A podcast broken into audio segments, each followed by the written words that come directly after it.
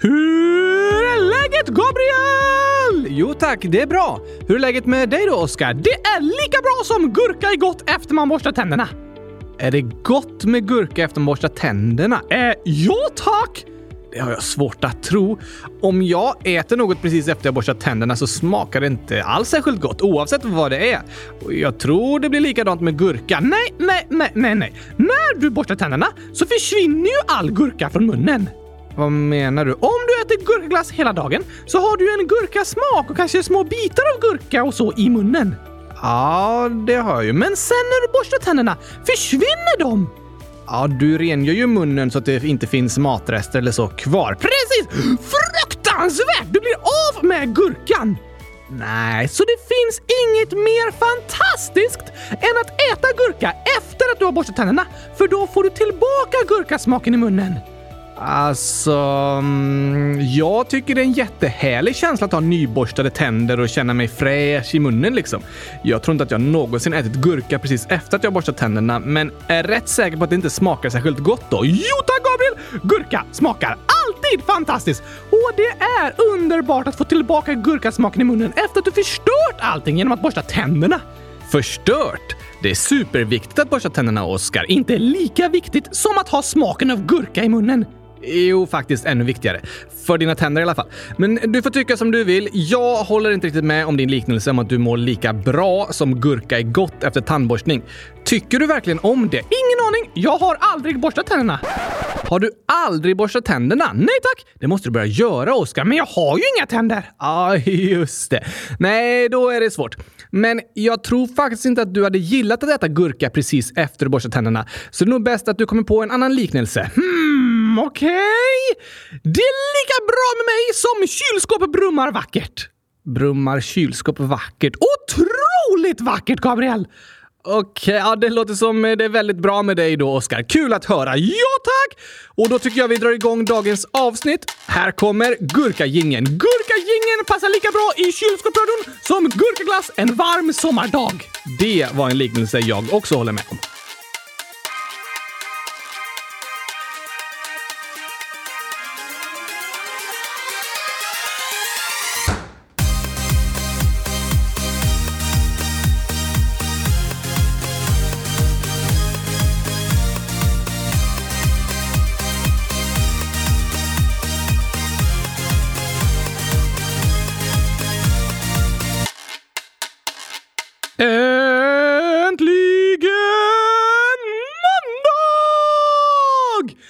Äntligen avsnitt 292! Avsnitt 100 292 om jag får be! Just det, just det, just det. Av Kylskåpsradion. Vilken fantastisk dag! Tycker du det? Ja, såklart! Vad är det som är fantastiskt? Att det är måndag, att det inte är strömavbrott utan kylskåpet fungerar och att jag har gurkor i kylskåpet och att vi har världens bästa lyssnare, att det är fred i Sverige, att jag sov gott, att det är sommarlov, att det inte är snöstorm. Ja, det har du rätt i. Det finns så mycket att vara tacksam och glad för. Absolut. Jag håller med dig, Oskar.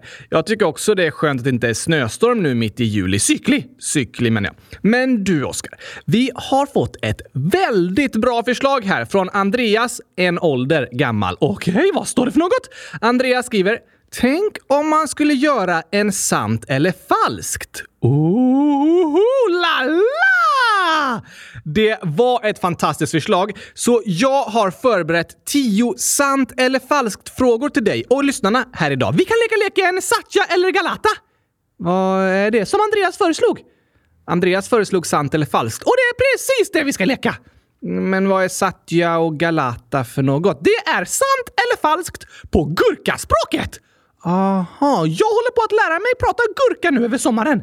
Gurkaspråket är ju samma som nepalesiska. Ja tack! Men det talades i Gurkaregionen i Nepal där det fanns en gurkakung som enade landet och blev den första ledaren i Nepal. Och det är språket gurka, även kallat gurkali, som idag talas i större delen av Nepal och kallas oftast för nepalesiska. Precis. Och i mina ögon finns det inget viktigare språk att lära sig än gurkaspråket. Nej, det förstår jag att du tycker. Men vad kan du säga för något då? Malaika Kura Ice Cream Manpurso! Just det, det betyder jag älskar gurkaglass. Hudan Javada! Vad betyder det? Ja tack! Aha, Jadai Sundara Sahi? Eh, väldigt vackert, eller hur? Hudan Javada. Ohoho!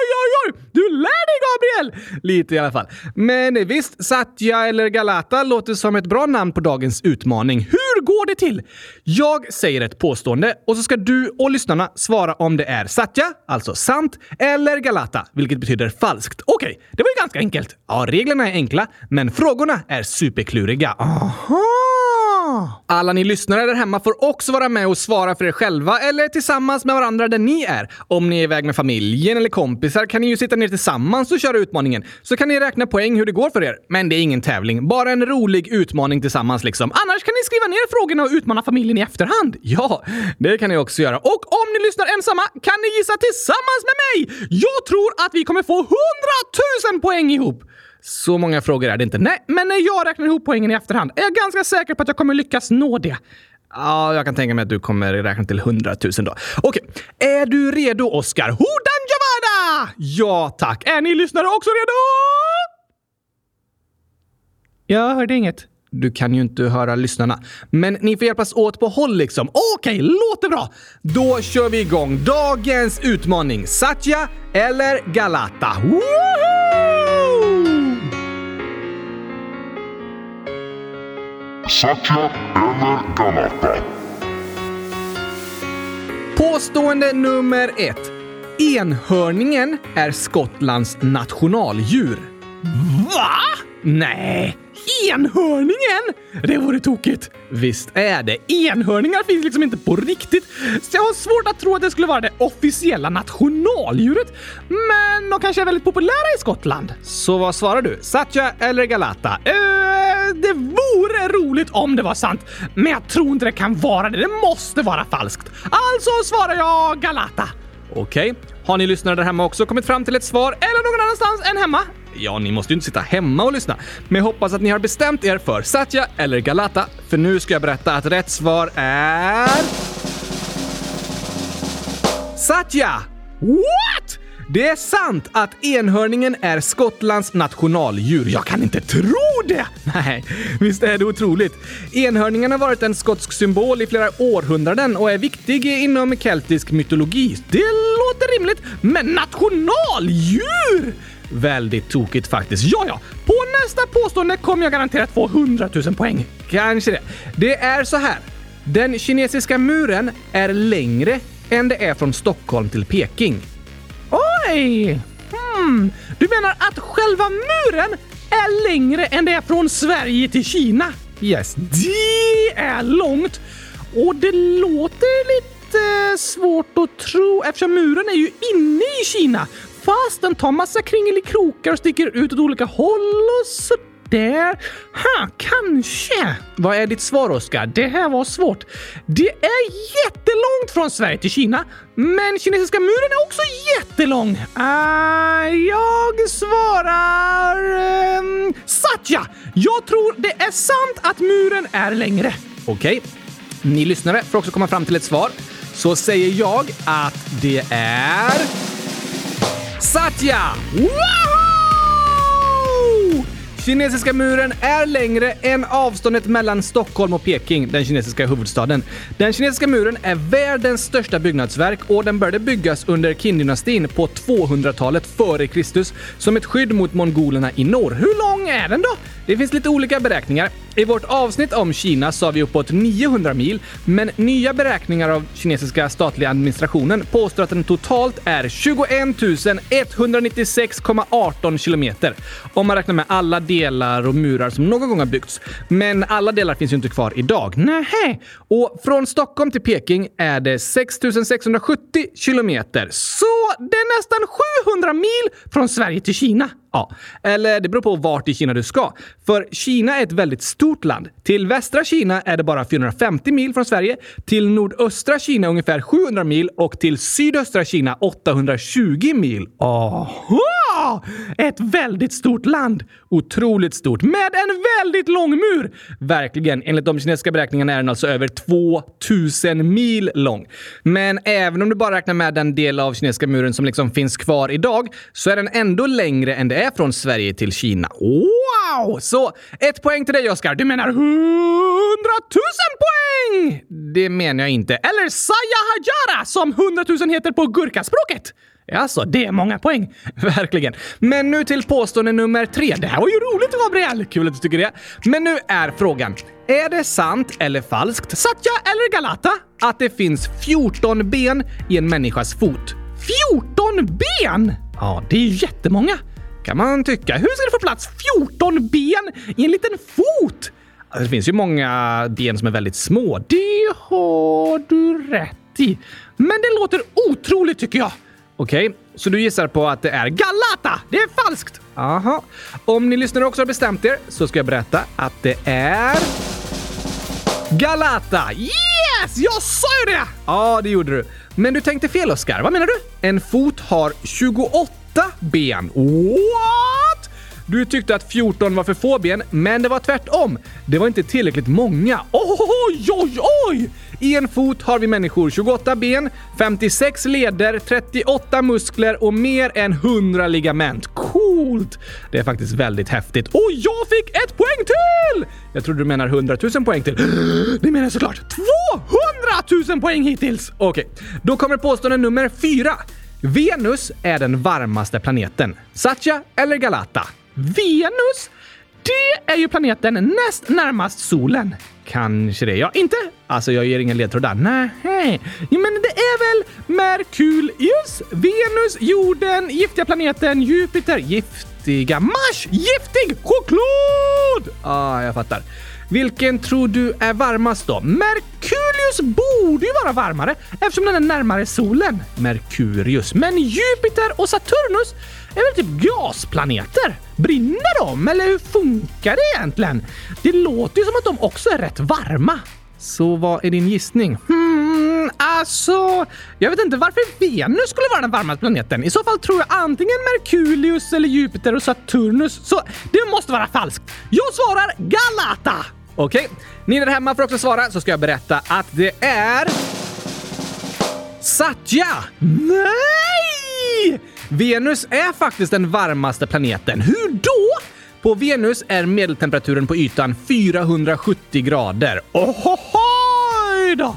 Det beror på att planeten är omgiven av en tjock atmosfär som består av koldioxid, vilket gör att Venus blir som ett gigantiskt växthus där värmen från solen kommer in men inte kan åka ut. Precis Oskar, det där känner jag igen. Ja, en sådan växthuseffekt är ju det vi pratar om här på jorden med ökade koldioxidutsläpp som skapar klimatförändringar. Har Merkurius inget växthus? Nej, så på Merkurius är det otroligt stora skillnader mellan dag och natt. På dagen kan temperaturen gå upp till 430 grader eftersom planeten ligger så nära solen. Men på natten kan temperaturen gå ner till minus 180 grader natt! Så med 600 graders skillnad mellan natt och dag är Merkurius den planet med störst variation i temperatur. Jag som tycker det är skillnad om det är 25 grader på dagen och 10 grader på natten. Ja, eller hur? Men 600 graders skillnad!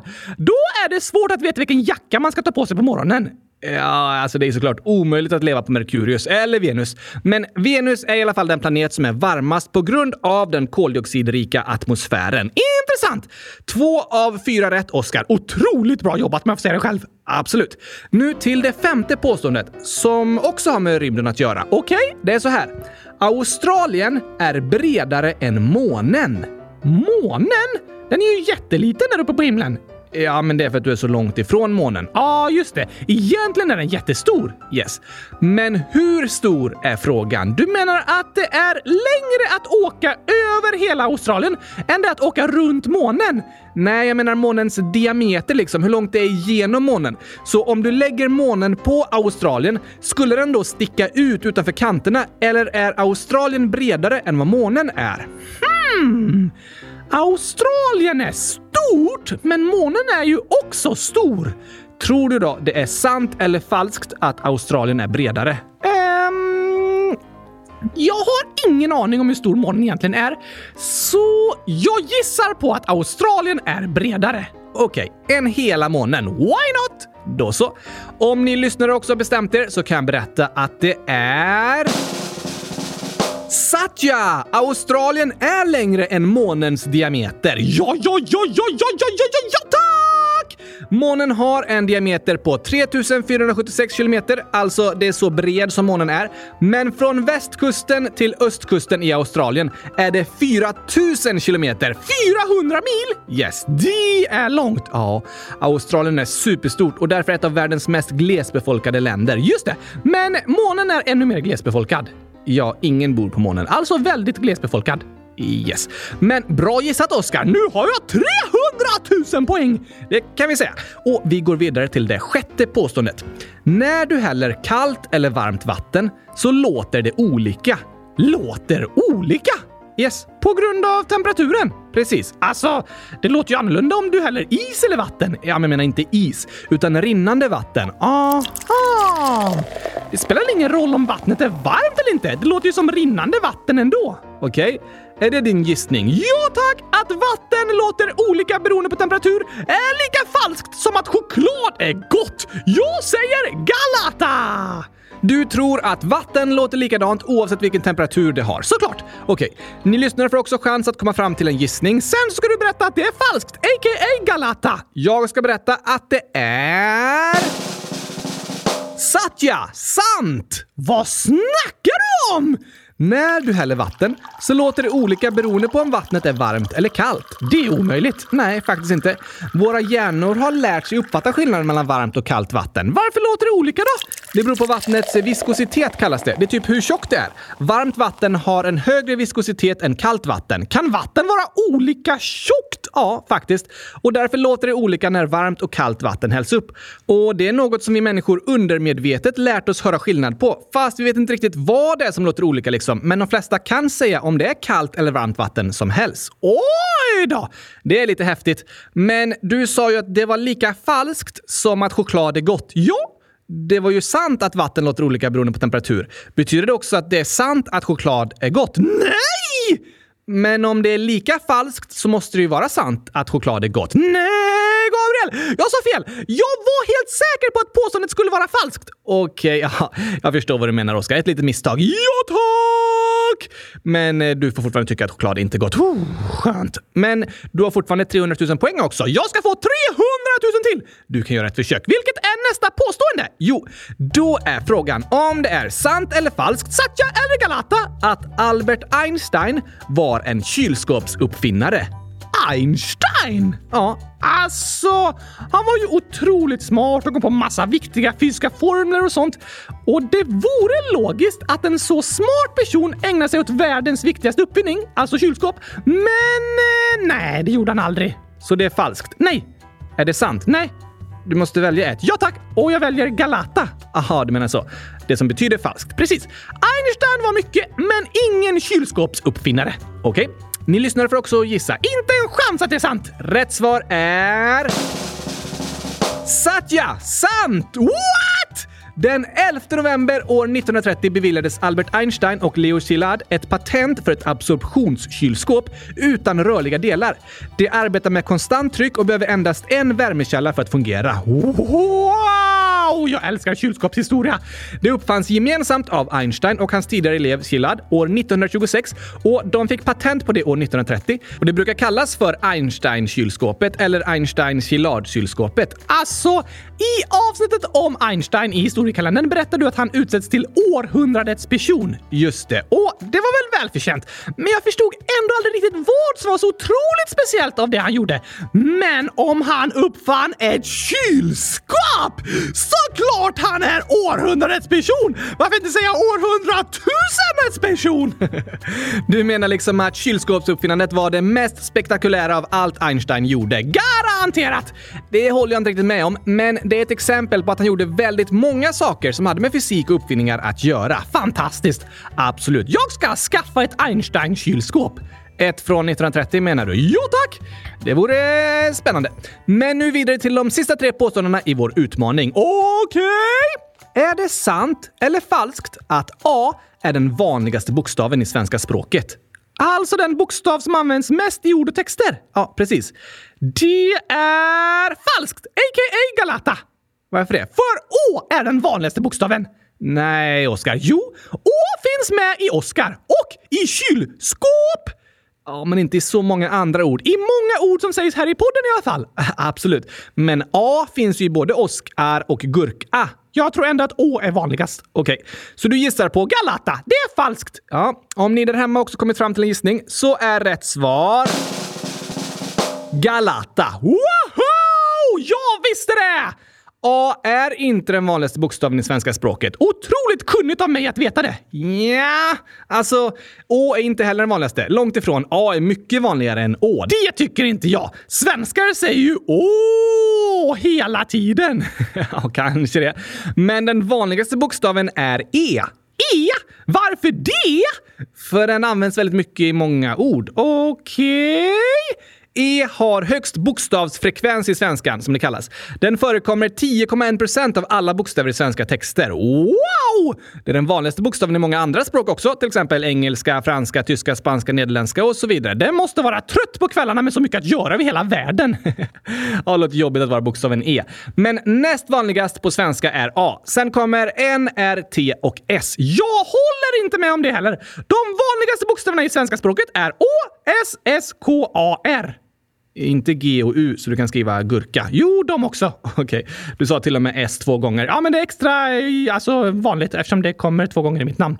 Ja, det är inte sant. Eller hur? Intressant! Nej, jag sa inte sant. Aha, E är vanligast. Men jag svarar fortfarande rätt när jag sa att A inte var vanligast. Absolut, det gjorde du. Så ett poäng till dig, hundratusen poäng till mig! Just det, två påståenden kvar! Yes.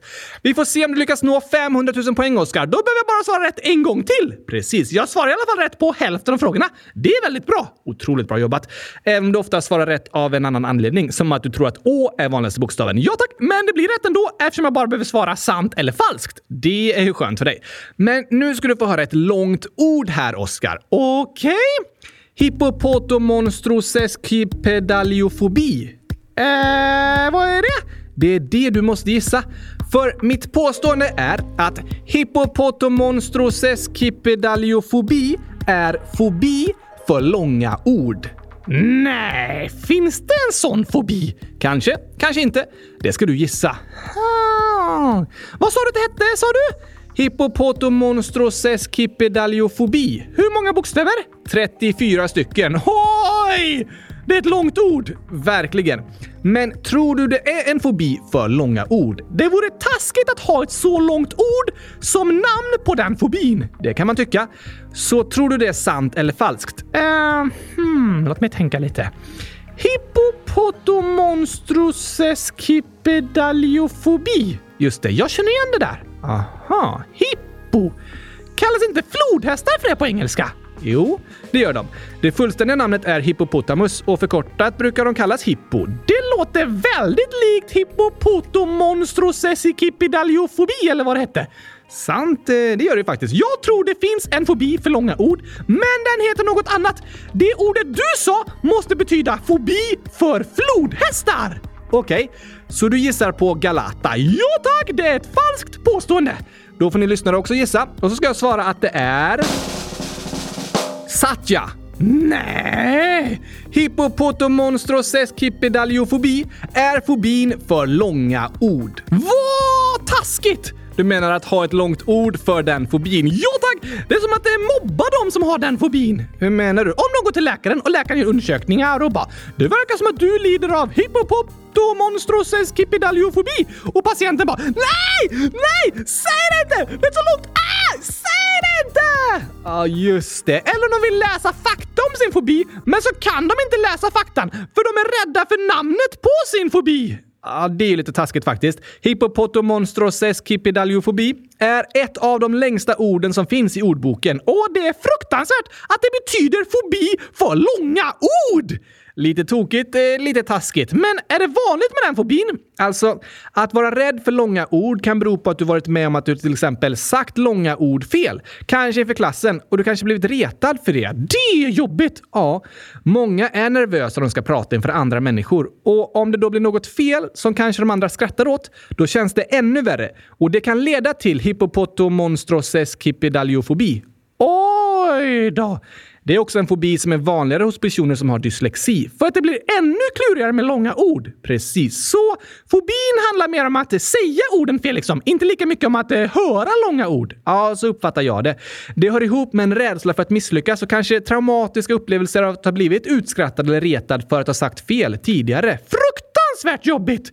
Hippopotomonstroses kipidaliofobi ses inte som en liksom, officiell fobi av psykologsamfund, utan är en del av det som kallas social fobi. Det är när en känner rädsla och ångest inför sociala situationer där den kommer bli bedömd av andra, som att träffa nya människor eller prata inför klassen. Precis, Oskar. Alltså, alla kan ju vara nervösa inför det, men social fobi är liksom väldigt stor nervositet, stress och till och med ångest inför sådana situationer. Ja, och vi pratar mer om social fobi i avsnitt 100 265. Lyssna gärna på det!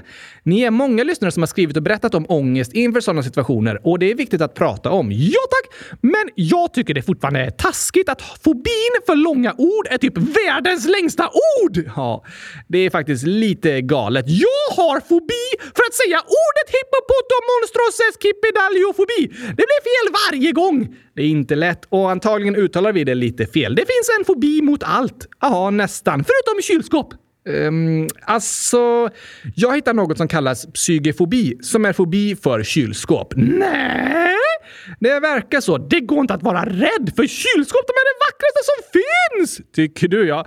Men det går absolut. Psygefobi är en del av syskevifobi, som är fobin för hushållsapparater. Vadå? Som kylskåp, mikro, brödrost och så vidare. Ohoj då!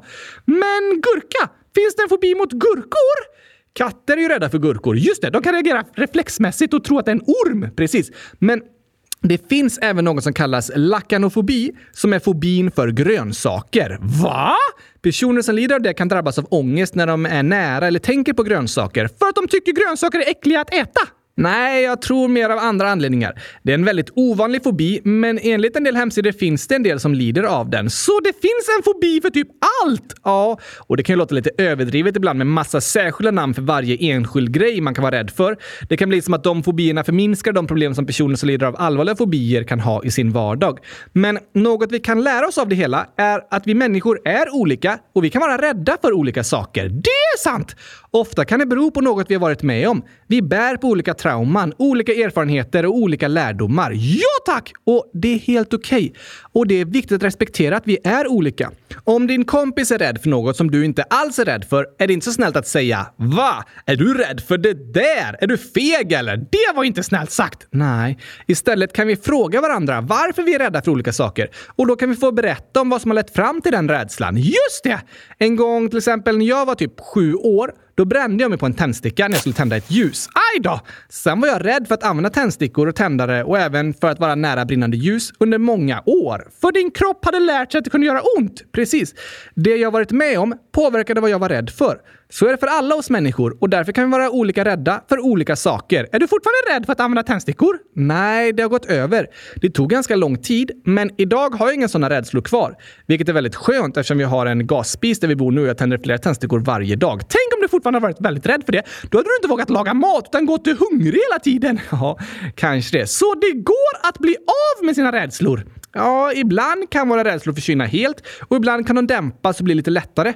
Ofta kan vi vara rädda på grund av att vi misslyckats eller att det hänt något som har skadat oss tidigare. Som att råka säga fel inför klassen eller bränna sig på en tändsticka. Ja, och ett sånt misslyckande eller något som har gjort ont kan skapa en rädsla inom oss. Men om vi sen gör samma sak igen och lyckas, då kan den rädslan bli lite mindre. Du menar att desto fler tändstickor du tände utan att bränna dig, desto mindre rädd blev du? Precis så var det, Oskar. Min rädsla minskade och till slut var jag inte längre rädd för det. Men det tog ganska många år faktiskt. Till en början vågade jag inte använda tändstickor alls. Sen var jag rädd när jag gjorde det under lång tid. Men med tiden så försvann rädslan helt. Kan det bli så med andra rädslor också? Allt funkar inte exakt likadant och det är olika för olika personer. Men jag tror att våra rädslor kan förändras. Så om du idag känner dig begränsad av en rädsla och tycker det är jobbigt att ha den, så vill jag säga till dig att det kommer antagligen inte alltid vara så. Saker kan förändras och kan bli bättre.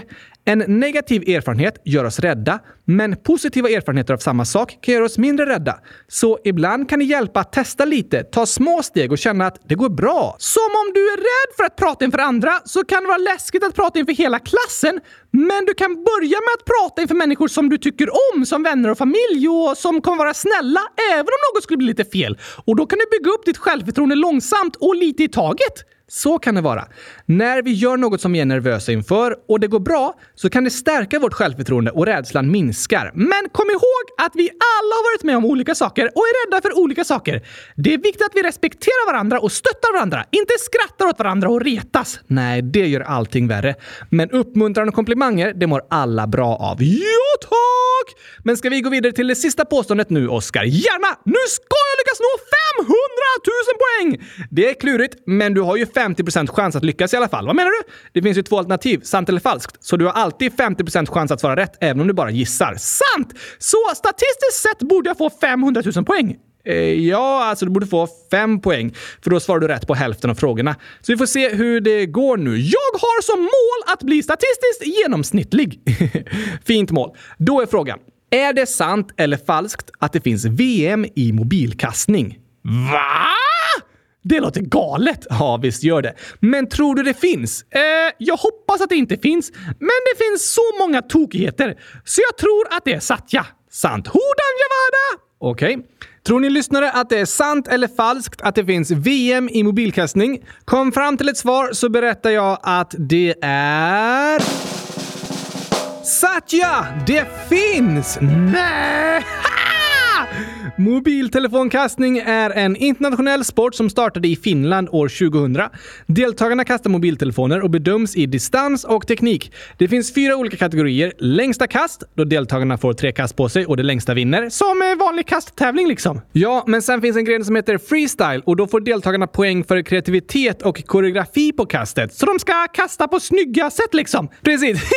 Tokigt! Sen finns en lagtävling med tre deltagare som har varsitt kast och deras resultat räknas ihop. Okej? Och fjärde kategorin är en juniortävling för barn som är 12 år eller yngre. Vad för telefoner använder de? Det är olika i olika tävlingar och kategorier, men mobiler som väger mer än 220 gram är tillåtna. Låter som lite slöseri med telefoner. Ja, jag håller med att det känns lite som ett eh, omiljövänligt slöseri, men det är faktiskt tvärtom kan man säga. Mobiltillverkaren Nokia kom ju från Finland och det var de som tog initiativ till det första mobilkastarmästerskapet tillsammans med ett försäkringsföretag. För det är tyvärr många trasiga mobiltelefoner som slängs i naturen eller i vanliga papperskorgar istället för att återvinnas. Om telefonerna hamnar på vanliga soptippar så kan de vara miljöfarliga, särskilt på grund av innehållet i batterierna. Oj då!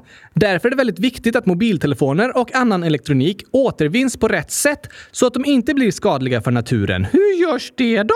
Alltså, för det första är det ju bra att använda en mobiltelefon så länge den fungerar istället för att köpa en ny. Men om du inte använder den själv kan du ju ge den till någon annan eller sälja den på till exempel Blocket så att någon annan kan köpa din begagnade telefon. Det har du rätt i!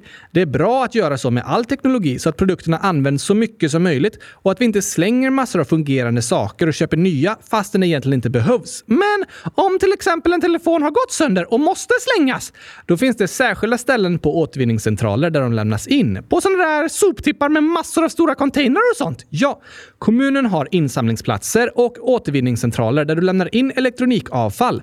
Det är viktigt att sånt inte slängs i till exempel en vanlig soppåse utan lämnas in till återvinning. Bra att veta!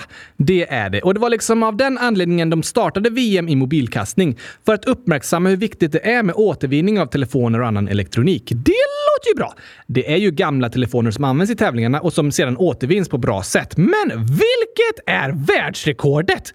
Världsrekordet i mobilkastning enligt Guinness rekordbok är 110 meter och 42 centimeter. Wow!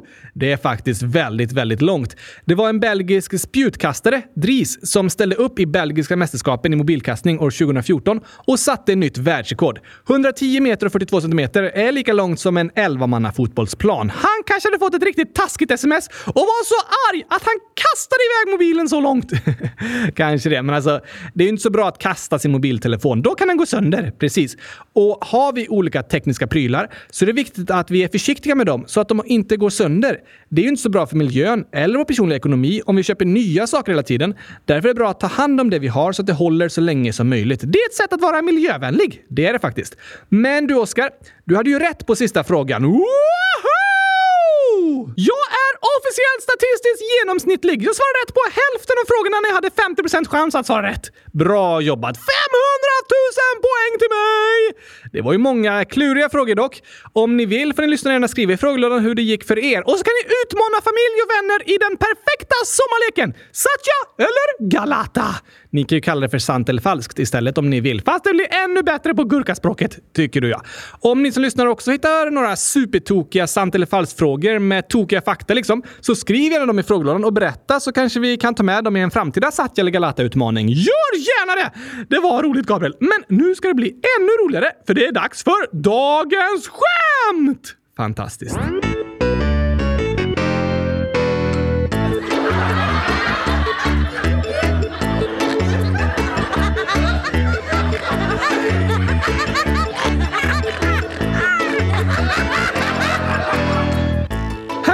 Har vi ett superroligt skämt från Alice, 7 år. Okej? Vad sa riskornet när en människa skulle äta upp det?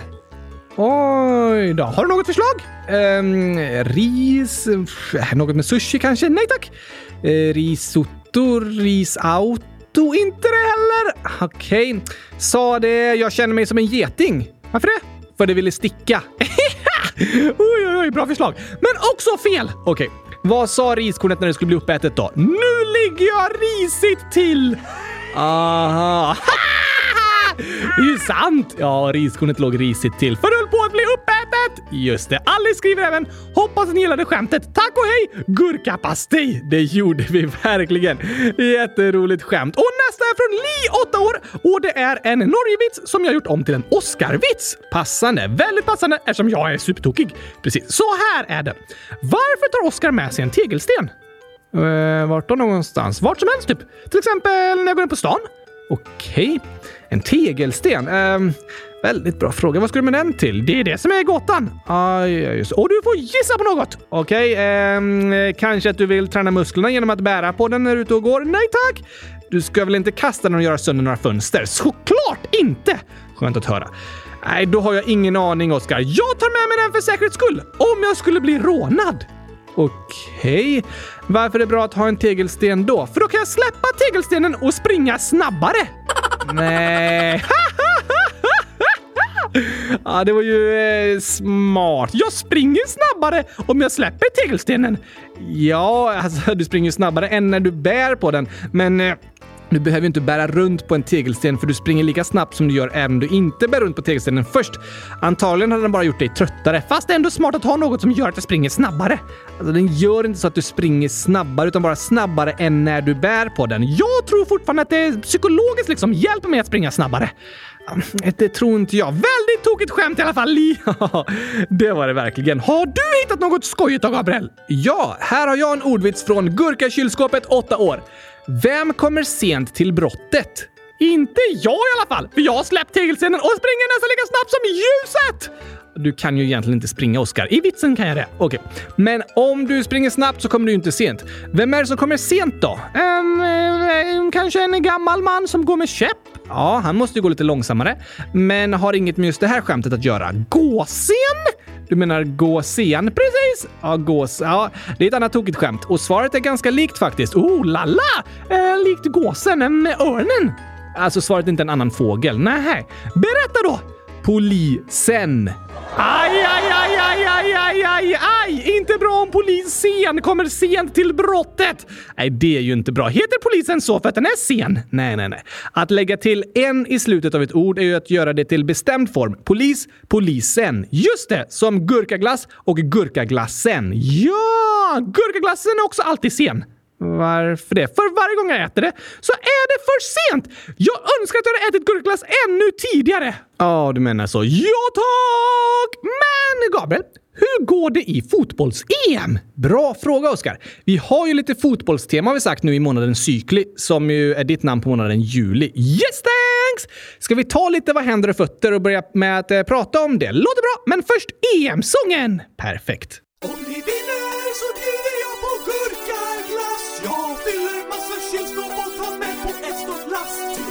England!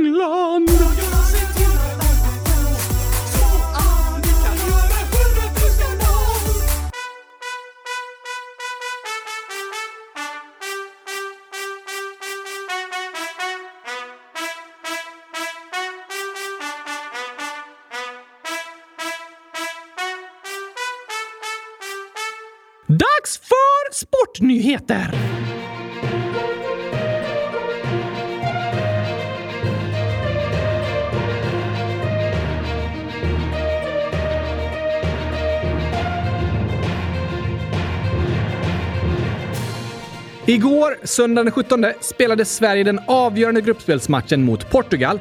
De behövde minst spela lika för att säkra en plats i kvartsfinalen. Samtidigt spelade Nederländerna mot Schweiz och om både Nederländerna och Sverige skulle vinna är det upp till målskillnad vilka som vinner gruppen. Okej, så det var bra att vinna med många mål? Ja, precis. Hur gick det då? Det var en nervös match, men Sverige satte fart direkt och gjorde 1-0 efter 21 minuter. Woho! Sen lossnade det ordentligt för svenska damlandslaget. De ledde med 3-0 redan i paus och vann till slut med 5-0. Wow! Det var en väldigt viktig seger. Hur gick det för Nederländerna då? Den matchen var mycket jämnare. Först tog Nederländerna ledningen, sen kvitterade Schweiz till 1-1, men Nederländerna gjorde till slut 2-1 i 84 minuten och sen två mål på övertid. Oj då!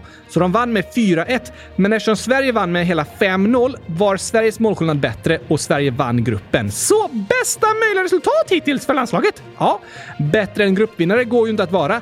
Det var rätt nervöst där i matchen mot Schweiz, men till slut avslutar Sverige ändå gruppspelet på topp och har nu även fått igång målskyttet inför kvartsfinalen. Aha, spännande!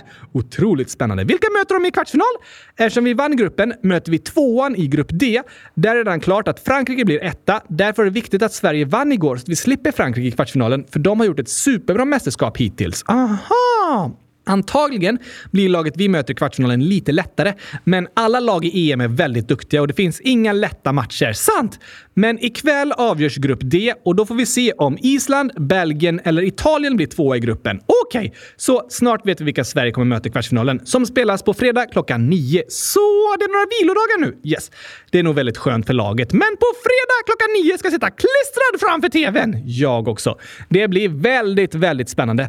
På torsdag då kan vi berätta om vilka det är Sverige kommer få möta. Det avgörs ju som sagt ikväll. Sant! Men det här mästerskapet spelas ju i England. Just det! Och förutom fotbolls-EM handlar nyheterna just nu väldigt mycket om en värmebölja som drar genom Europa och som idag och senare i veckan kommer skapa otroligt höga temperaturer i England. Va? Det väntar extremhetta i England närmsta veckan och brittiska myndigheter varnar landets invånare för att hettan kan bli livsfarlig även för fullt friska personer. Oj då! Hur varmt ska det bli? Det kan bli över 40 grader varmt, vilket skulle vara ett nytt värmerekord i Storbritannien. En del experter tror att London kan bli världens varmaste plats idag. Det brukar det inte vara. Nej, verkligen inte. Och extrem värme är extra farlig på platser som inte är lika vana vid höga temperaturer och anpassat sig efter det. Just det! På samma sätt som det inte är så farligt om det blir minus 20 grader i Sverige eftersom våra hus är anpassade för det och vi har utvecklat system för att få bort snö från vägarna och så vidare. Medan minus 20 grader i till exempel södra Spanien är väldigt farligt för de som bor där. Sant! Och jag tror många av er lyssnare har hört om värmeböljan med extremhetta som just nu drar genom södra Europa och ända upp till de brittiska öarna. I Frankrike har över 20 000 personer tvingats fly från skogsbränder och även i Spanien har tusentals människor fått evakueras från sina hem och de ser sina odlingar och plantage brinna ner framför ögonen på dem. Vad fruktansvärt! Det är väldigt sorgligt och hemskt och det är även många människor som har dött på grund av hettan. I Portugal har det varit hela 47 grader. Oj då! Det sker många skogsbränder på grund av att det är extremt torrt efter en rekordvarm vår och dessutom var månaden juni i Europa den näst varmaste någonsin. Har det med klimatförändringar att göra? Alltså, värmeböljor och vissa särskilt varma dagar eller veckor har alltid inträffat. Men ja, experterna påstår att det extremväder vi ser nu är en konsekvens av klimatförändringarna. Det gör att miljarder människor på jorden är i farozonen för översvämningar, torka, stormar och skogsbränder. Vad går det att göra då, Gabriel? Ja du Oskar, det är lätt att tappa modet och bli nedstämd när man ser nyheter från extremväder och hur klimatet förändras. Men det som är viktigt tror jag är att vi reagerar. Att det som händer uppmärksammas och att fler och fler börjar ta det på allvar. Det är sant! Så när det pratas mycket på nyheterna om klimatförändringarna kan det ju göra oss oroliga. Men det som i alla fall är positivt är att det pratas om det och att det uppmärksammas. För det är viktigt att saker förändras för att det ska bli bättre. Så det är i alla fall bättre än att det är extremväder och ingen bryr sig. Ja, precis. Sen exakt vad som är bäst att göra är svårt att säga. Men det behövs många stora politiska beslut för att förändra länders energiförbrukning samtidigt som vi var och en kan leva så miljövänliga liv som möjligt. Okej! Okay. Och samtidigt som vi kanske blir oroliga och nedstämda för det vi ser på nyheterna så tror jag det är viktigt att inte tappa hoppet. För om vi gör det är det som att vi ger upp och slutar tro på att det går att förändra saker till det bättre. Men vi måste fortsätta tro på att saker kan förändras och fortsätta kämpa för att de ska göra det. Ja, precis. Jag vet att klimatförändringarna är något som ni är många som oroar er för. Jag också. Och det är ju för att de är viktiga. Klimatet är något som vi behöver bry oss om. Och stora förändringar måste ske. Så fortsätt ta till er fakta och lär er om vad som händer. Och utbilda era familjemedlemmar. Berätta för dem om det ni har fått lära er. Kunskap om klimatförändringarna kan göra en orolig, men det kan också hjälpa oss utbilda fler och berätta om varför det är viktigt. Så att vi tillsammans kan vara en del av förändringen och vara med och göra skillnad. Ja tack! Så samtidigt som vi blir ledsna över att höra om alla människor som drabbats av extremhettan som drar över Europa, så kan vi vara glada för att problemet uppmärksammas och att många får upp ögonen för hur viktigt det är att ta klimatet på allvar. Sant! Och så kan vi var och en vara med och bidra till förändringen med hur vi lever, samtidigt som styrande politiker måste ta ansvar för att förändra hela länders energiförsörjning. Tror du att saker kan förändras? Det tror jag och det kommer jag fortsätta hoppas på. För det är det hoppet som kan motivera oss att fortsätta kämpa för förändringen. Jag håller med! Men på tal om nyheter så har jag en sista grej att berätta om också. Okej? Okay. För några veckor sedan pratade vi om landet Sri Lanka. Just det! Och det är ett land som just nu befinner sig i en djup ekonomisk kris, särskilt på grund av att mat är väldigt dyrt över hela världen och inflationen i landet har varit extrem. Det har lett till att matpriserna i Sri Lanka är 80% högre än för ett år sedan, alltså nästan dubbelt så dyra. Va? Det har gjort att befolkningen är väldigt besviken med presidenten och den 9 juli samlades hundratusentals människor som stormade det gigantiska presidentpalatset. Tog de sig in liksom? Ja, ni kanske har sett otroliga bilder på hur människor badar i presidentens pool. De ligger och sover i hans säng och sitter vid hans skrivbord. Demonstranterna har ockuperat palatset och tvingat presidenten att fly landet. Oj då! Vem styr i Sri Lanka nu då? Premiärministern har styrits in som tillfällig president fram tills ett nytt presidentval ska hållas på onsdag. Aha! Undantagstillstånd har utlysts i landet som befinner sig i politisk kaos och vi får fortsätta följa hur det går. Jag hoppas i alla fall att människor ska få råd med mat. Ja, precis. Vilka beslut som än tas så hoppas jag också att ledarna ska kunna leda Sri Lanka på ett bra sätt och ta sig ur den värsta ekonomiska krisen i landets historia så att befolkningen har råd att köpa mat och människor inte behöver svälta. Det är det viktigaste. Ja tack! Det händer mycket saker runt världen alltså. Visst gör det. Och vi gör ju vårt bästa här i podden för att försöka hänga med lite i alla fall. På torsdag, då hörs vi igen! Då blir det ett nytt frågeavsnitt. Men vi hoppas att ni gillade dagens avsnitt också. Såklart! Vi pratade ju gurkaspråket. Just det. Innan vi avslutar ska vi dock skicka några hälsningar. Okej? Okay? Louis, 7 idag, skriver “Kan ni gratta mig den 17 juli? Det var igår, men idag kan vi säga gratis i efterskott på sjuårsdagen, Louis! Massor av grattis till dig! Hoppas du hade världens bästa födelsedag med massor av gurkaglass! Kanske det ja. Eller något annat gott. Sen skriver Valentina, 7 snart 8 år. Hej kylskåpsradion! Kan ni gratta mig på min födelsedag i efterskott? PS Hur många gurkor och så är det 1815 stycken! Oj, oj, oj, oj, oj, oj! Det var många! Otroligt många. Tror du Valentina fick dem i födelsedagspresent? Eh, kanske det. I alla fall säger vi grattis i efterskott på åttaårsdagen Valentina. Gratis, grattis, grattis, grattis, grattis, grattis, grattis, grattis, grattis, grattis, grattis! grattis, grattis, grattis, grattis, grattis, grattis, grattis, grattis, en bäst i testdag. Verkligen. Och med det så avslutar vi för idag. Ett långt och fantastiskt avsnitt, eller hur?